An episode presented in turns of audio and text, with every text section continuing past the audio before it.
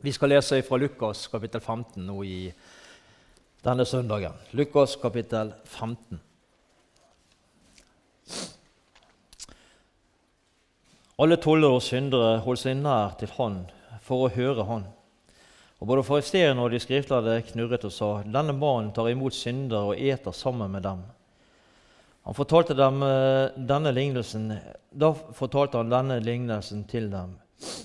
Om noen av dere har hundre sauer og mister én av dem, vil han da ikke forlate de 99 i ødemarken og gå av sted og lete etter den som er kommet bort, til han finner den? Og når han har funnet den, legger han den på skuldrene sine og gleder seg.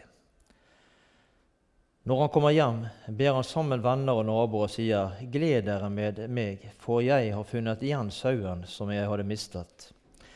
Jeg sier dere, slik skal det være større glede i himmelen over én synder som omvender seg, enn over 99 rettferdige som ikke trenger til omvendelse. Eller om en kvinne har ti sølvpenger og mister én av dem tenner hun ikke da et lys og feier huset og leter nøye til hun finner den?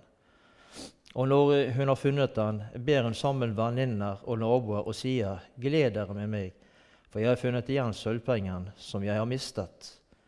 På samme måte sier jeg dere, blir det glede blant Guds engler over én synder som omvender seg. Og han sa, en mann hadde to sønner. Den yngste av dem sa til faren, 'Far, gi meg den delen av boet som faller på meg.' Han skiftet da sin eiendom mellom dem. Ikke mange dager senere samlet den yngste sønnen sammen alt sitt og dro til et land langt borte. Og Der sløste han bort alt han eide, i et utseende liv. Men da han hadde sett alt og satt alt over styr, ble det en svær hungersnød i landet, og han begynte å lide nød. Han gikk da bort og holdt seg til en av borgerne der i landet, og han sendte han ut på markene sine for å gjete svin. Han ønsket å fylle sin buk med de skålmer som svinene åt, og ingen ga han noe. Da kom han til seg selv og sa, Hvor mange leiefolk hos min far har overflod av brød, men jeg setter livet til her av sult. Jeg vil stå opp og gå til min far, og jeg vil si til han, Far, jeg har syndet mot himmelen og mot deg. Jeg er ikke verdig til, lenger til å kalle din sønn. Jeg lar meg få være som en av leiefolkene dine. Og han sto opp og kom til sin far. Men da han ennå var langt borte, så hans far ham, og han fikk inderlig medynk med han. Han løp han i møte, falt han om halsen og kysset han igjen og igjen. Da sa sønnen til han, Far, jeg har syndet mot himmelen og mot deg. Jeg er ikke lenger verdig til å kalles sønnen din lenger. Men faren sa til eh, tjenerne sine.: Skynd dere, ta fram den beste kledningen og ha den på han. Gi han en ring på hånden hans og sko på føttene. Hent gjøkolven og slakt den, og la oss ete og være glade. For denne sønnen min er du, var død og er blitt levende. Han var tapt og er blitt funnet og de begynte å være glade. Disse lignelsene her som vi nå har lest, de må vi se i sammenheng med hverandre. Dette kapittelet her i Lukas blir kalla evangeliet i evangeliet. Og Dette taler veldig sterkt om Guds store kjærlighet overfor angrende syndere. Kapittel 15 begynner med å fortelle oss noe om tollerne og synderne. De jobber for, eh, Tollerne jobber for Romerriket, vet vi, og passer på å eh, berike seg samtidig i forhold til det de krevde inn. Og det de krevde inn av bl.a. skatter osv., så, videre, så så de, var det lett for å putte litt i sine egne lommer for å berike seg sjøl. Ordet 'syndere', som også står her i innledningen, står enten for mennesker som hadde forbrutt seg moralsk sett, eller for slike som ikke fulgte loven. Og slike mennesker var eh, ja, de var utstøtt fra jødenes religiøse og nasjonale liv.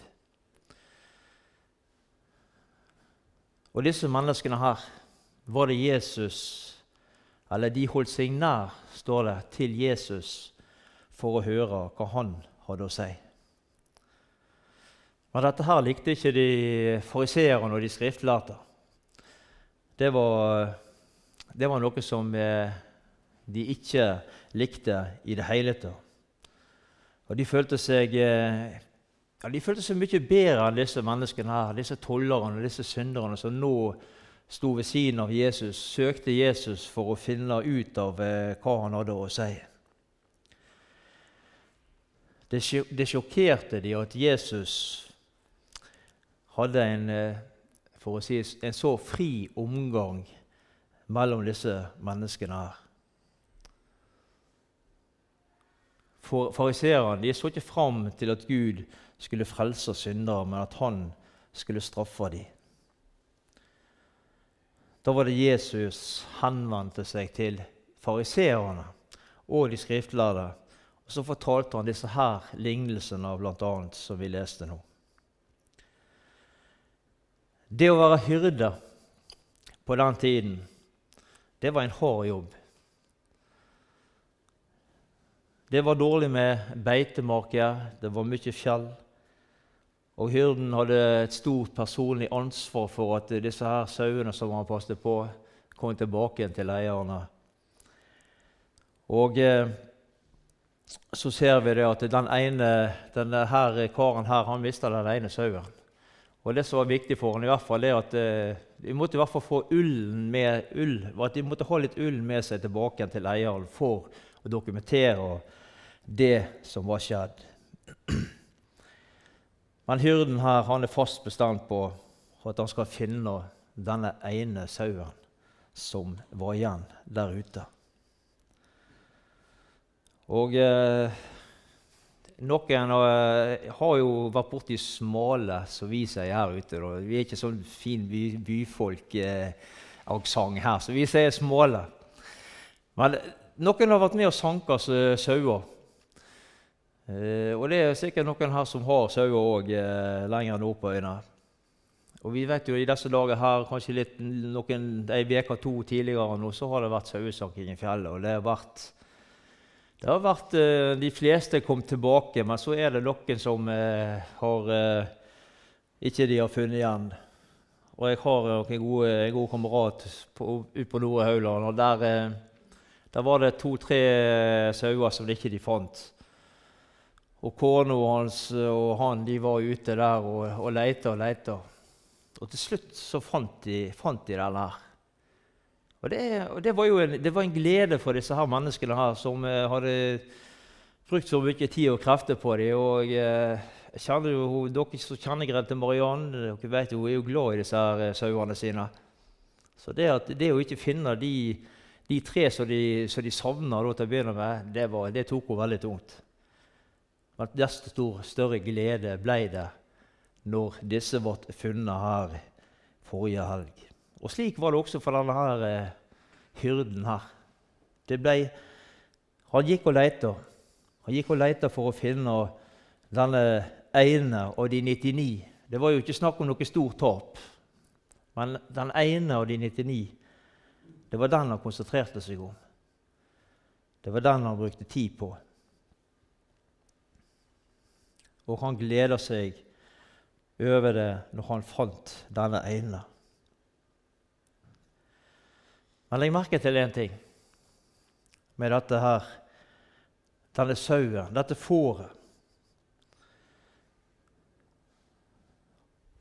Han, eh, han, gikk bort av egen fri vilje. Jeg holdt på å si av egen dårskap og uvitenhet. Det var ingen som jagde denne sauen bort fra flokken. Han gikk av egen fri vilje. Så ser vi i vers 7 her i, i teksten som vi leste. Vi ser det at eh, det skal være større glede i himmelen over én synder som omvender seg, enn over de 99 rettferdige, som ikke trenger til omvendelse. Og se for deg bildet av Jesus som kommer bærende på dette, dette lammet eller denne sauen på sine skuldre. Det har vi sett, tror sett alle sammen. Det er mange bilder i forskjellige variasjoner av denne, av denne ja, av at Jesus kommer bærende på med, med en sau eller et lam på sine skuldre. Det ligger trygt der oppe på skuldrene til Jesus. Slik er Jesus. I Markus kapittel 2 så leser vi i eh, det 17. verset. Da Jesus hørte det, sa han til dem.: Det er ikke de friske som trenger lege, men de som har ondt. Jeg er ikke kommet for å kalle rettferdige, men syndere til omvendelse. Og Går vi litt lenger bak i Bibelen, så kommer vi til eh, Timoteus, kapittel 1. Og eh, vi leser vers 15. Det er et troverdig ord, fullt verdt å motta. Kristus Jesus kom til verden for å frelse syndere, og blant dem er jeg den største. Denne kvinnen som vi leser om her i, i vers 8 i, i teksten i, Luka, i, Lukas 15, hun eh, hadde mista ei sølvpeie en drakme som hadde samme verdi som en romersk dinar, som på den tiden var en dagslønn. Og eh, det var mye penger for, eh, for dette mennesket her. Og som det sto, hun gjorde alt hun kunne for å finne denne sølvpengen igjen. Og på samme måten så så når denne her hyrden fant sauen sin igjen, så ble det også glede i denne heimen her når denne kvinnen fant igjen denne sølvpengen som hun mangla. Og på samme måte leste vi her er det glede blant Guds engler over at syndere, en synder som omvender seg. Og fariserene, Ingen av fariseerne tenkte på denne måten her. Det var nærmest uhørt for dem. Derfor var det at de, at de knurra, som vi leste, mot Jesus. Og Så kommer vi til denne lignelsen som vi, som vi kjenner, kjenner alle sammen. Det var en mann som hadde to sønner. Denne mannen den, eh, han er et bilde på Gud. Og De to sønnene representerer kan vi godt si, fariseere og, og, og synderne her. Begge er i utgangspunktet fortapt. Den ene vet sitt syndige liv, og den andre med sin egen rettferdighet. Vi leser vers 12 her i, i teksten.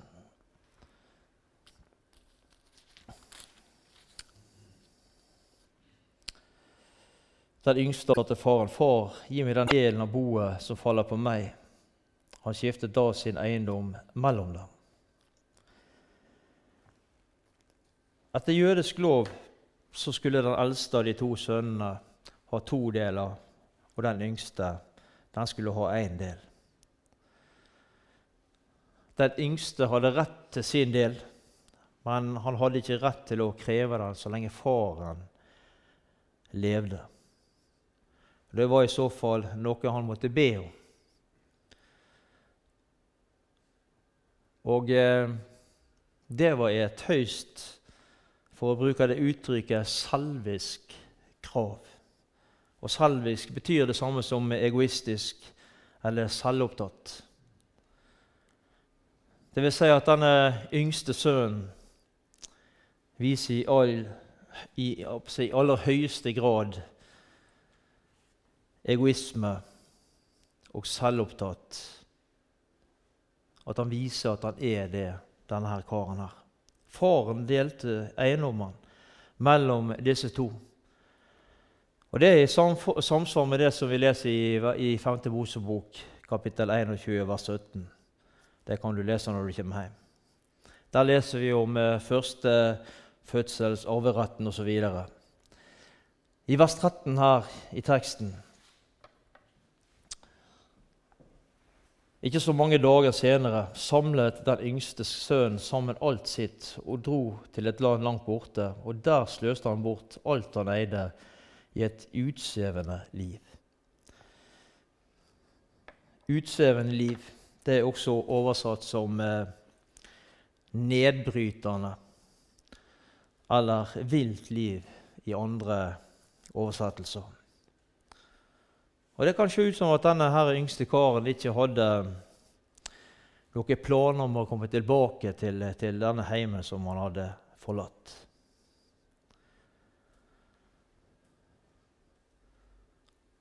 Han tok sin del av arven, leste vi, og eh, brente alle bruer bak seg. Han gikk virkelig til yttergrensen når det gjelder å leve et, et utsvevende, et dårlig liv. I vers 14 så ser vi at denne karen her opplever to katastrofer nærmest samtidig. Det ene var at pengene tok slutt. Og det andre var at eh, det kom hungersnød i landet. Og det gjorde ikke det noe lettere for denne karen her. Han var ikke nå bare uten penger, men han var også uten mat, uten venner som kunne hjelpe han. Han fikk jobb og eh, ble satt til den mest fornedrende stilling som en jøde kunne ha. Det var til å gjete griser. Han var sulten. Men det var ingen som, eh, som gav henne noe å spise, leste vi. Han spiste av de skolmer som eh, svinene åt. Og skolmer det kommer fra det såkalte johannesbrødtreet. Det smakte søtt og ble i enkelte, i enkelte tilfeller brukt til eh, menneskeføde, men stort sett så var det føde eller mat til dyr. Da skjer det noe med denne her sønnen. Han fikk se sin, eh, jeg på å si, sin elendige stilling i lyset av den herlighet som han hadde forlatt hjemme. Han kom til seg sjøl, leste vi og det første skrittet på vei til omvendelse og gjenopprettelse. Han begynte å eh, Han begynte å se forholdene slik de egentlig var. Det virka som han eh, våkna opp og så sin fortapte stilling.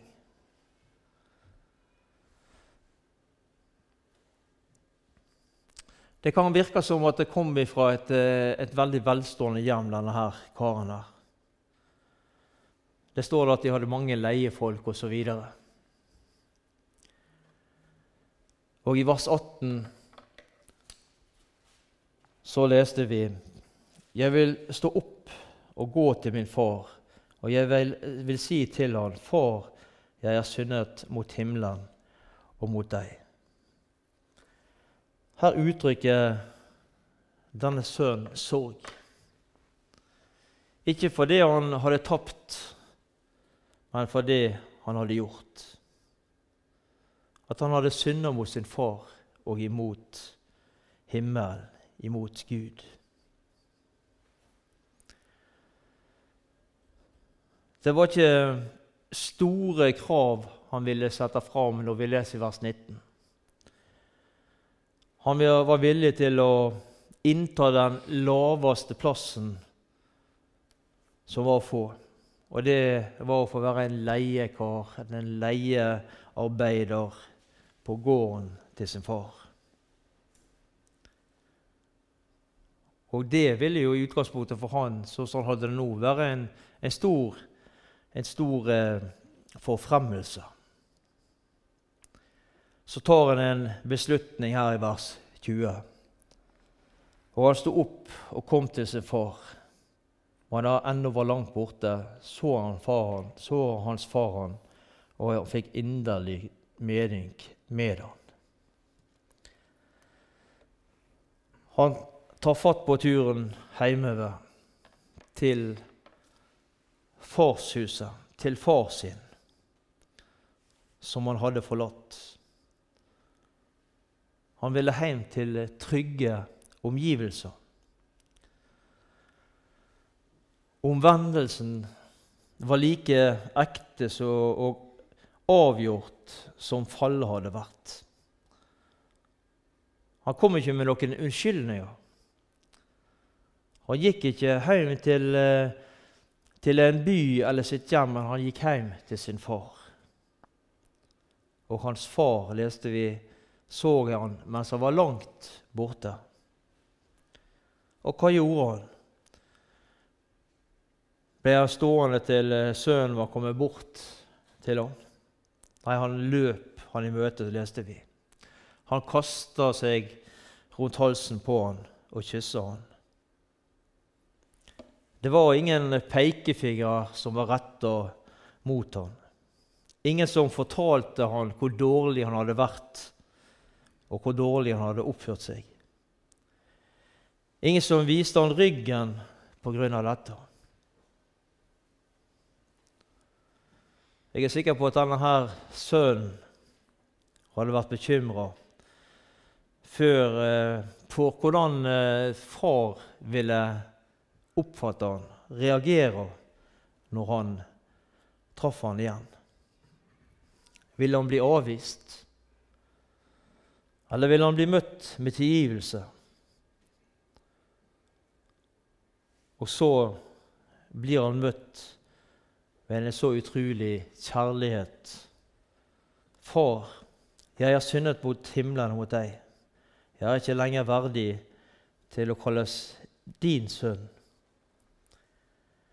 Det var sikkert ikke lett å, å komme med denne erkjennelsen, denne bekjennelsen, for denne sønnen overfor far og overfor Gud men han bekjente det han hadde bestemt seg for.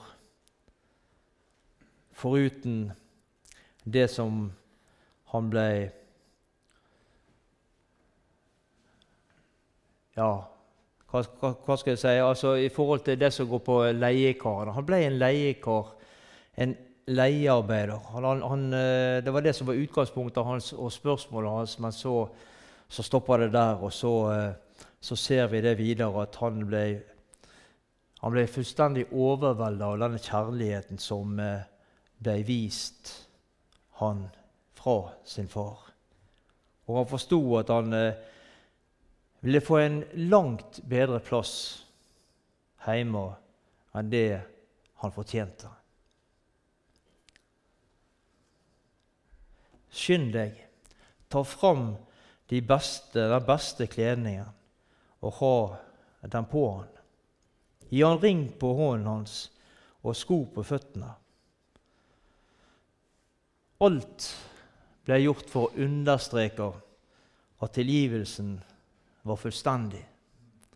Kledningen, den beste i huset.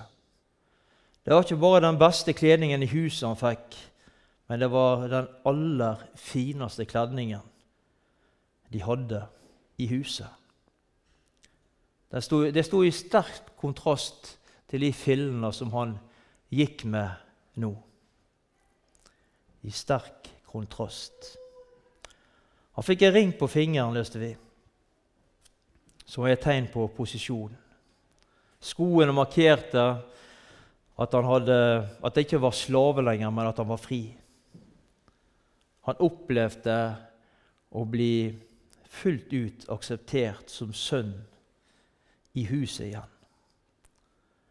Det ble ikke spart jeg holdt på å si, ikke på ei krone denne dagen her. Gjøkalven den ble slakta, noe som eh, de kun gjorde i de mest spesielle anledninger.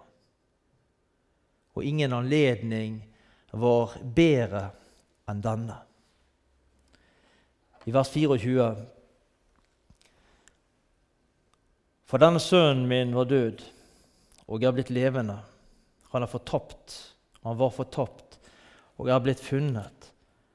Og de begynte å være glade. Og de begynte å være glade. Her er i utgangspunktet enden på denne, på denne lignelsen. Et fantastisk bilde på, på, Jesus og hans kjærlighet overfor oss mennesker. Han står med åpne armer og tar imot oss for første gang, for hundrede gang eller for tusende gang. Og han er den som aldri støter noen ifra seg. Han som vil at alle Og det er ikke enkelte, men det er alle mennesker skal bli frelst. Uansett hvordan du har det. Om du er langt ute i grøftekanten, for å bruke dette uttrykket, eller kanskje du er blitt liggende igjen på veien. Jeg kjenner ikke alle her. Han er den som strekker seg ut. Han strekker ut sin hånd for å hjelpe deg videre på veien.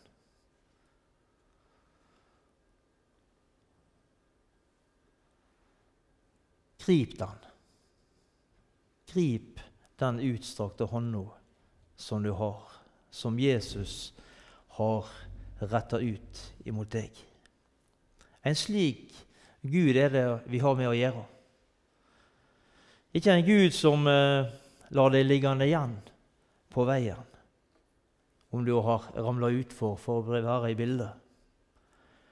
Ja, han ønsker å føre deg helt fram til målet helt fram til målet. Og Da skal vi slå opp i Andre Mosebok. Og Vi skal lese vers, eh, kapittel 23, og vi skal lese vers 20 der. Andre Mosebok, kapittel 23, og vers 20. Se, jeg sender en engel foran deg for å vokte deg på veien og for å føre deg til det stedet jeg har gjort i stand. Han er full av kjærlighet og omsorg for de som ikke får det til. For sånne som meg, for deg, for de mennesker som ikke får det til. For vi, vi kan godt uh, se veldig uh, flotte og prektige ut utvendig, men så er det kanskje ting vi ikke får til. Også denne mannen som står her, og du som sitter her så er han der for å hjelpe, hjelpe deg.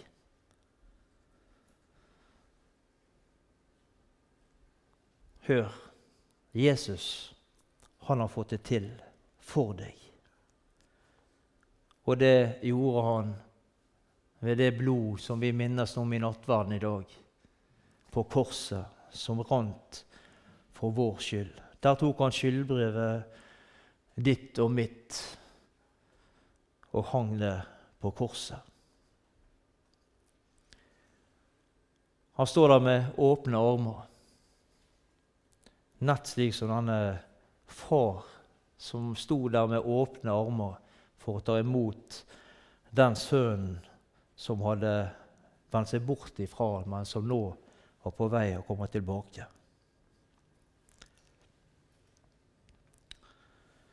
Han står der med åpne armer for å ta deg i sitt favn og sette deg, for å si det så enkelt, på fanget og ha et nært og fortrolig samfunn med deg. Tør du, for å si det slik, tør du å slenge deg eller kaste deg i hans armer? Tør du å, å gi slipp på denne egenkontrollen og la han få kontrollen over ditt liv? Jesus han har så uendelig mye å gi oss. Så uendelig mye å gi oss mennesker. Han ønsker å gi deg alt som han ser at du trenger. Vi skal bla opp i, i Filippabrevet.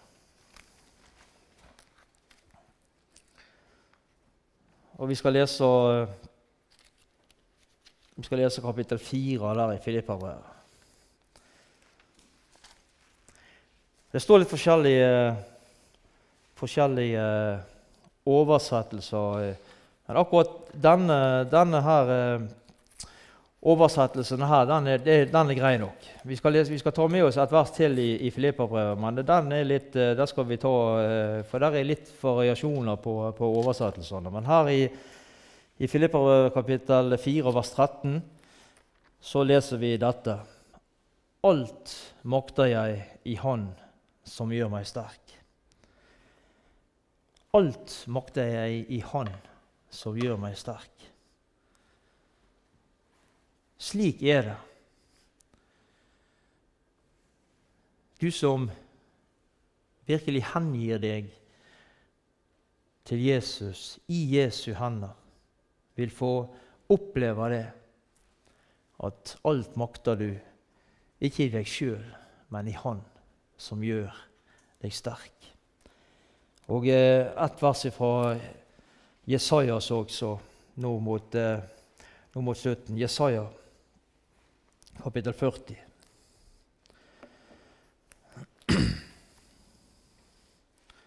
Og Da leser vi i det 29. verset. Han gir den trette kraft, og den som ingen krefter har, gir han stor styrke. Den som ingen krefter tar, gir han stor styrke. Og det er, det er fantastisk. Det er fantastisk å lese disse versene der.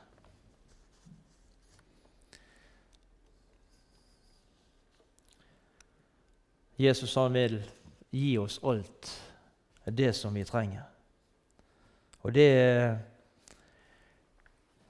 det er mange ting vi, vi ønsker sjøl. Og så ser kanskje Gud det på en annen måte. Og så er det ikke nettopp det som, vi, som er vårt største ønske, som blir svaret. Men så ser Han hva vi trenger, hver enkelt av oss. Og så har vi et løfte på at han vil gi oss det som han ser at vi trenger.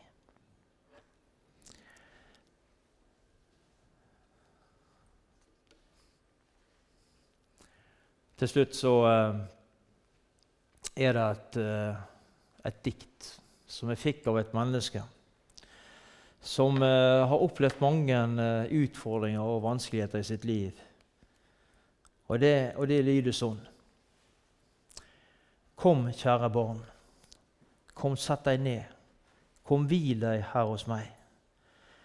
Jeg vil så gjerne gi deg fred fra strevsom vandringsvei.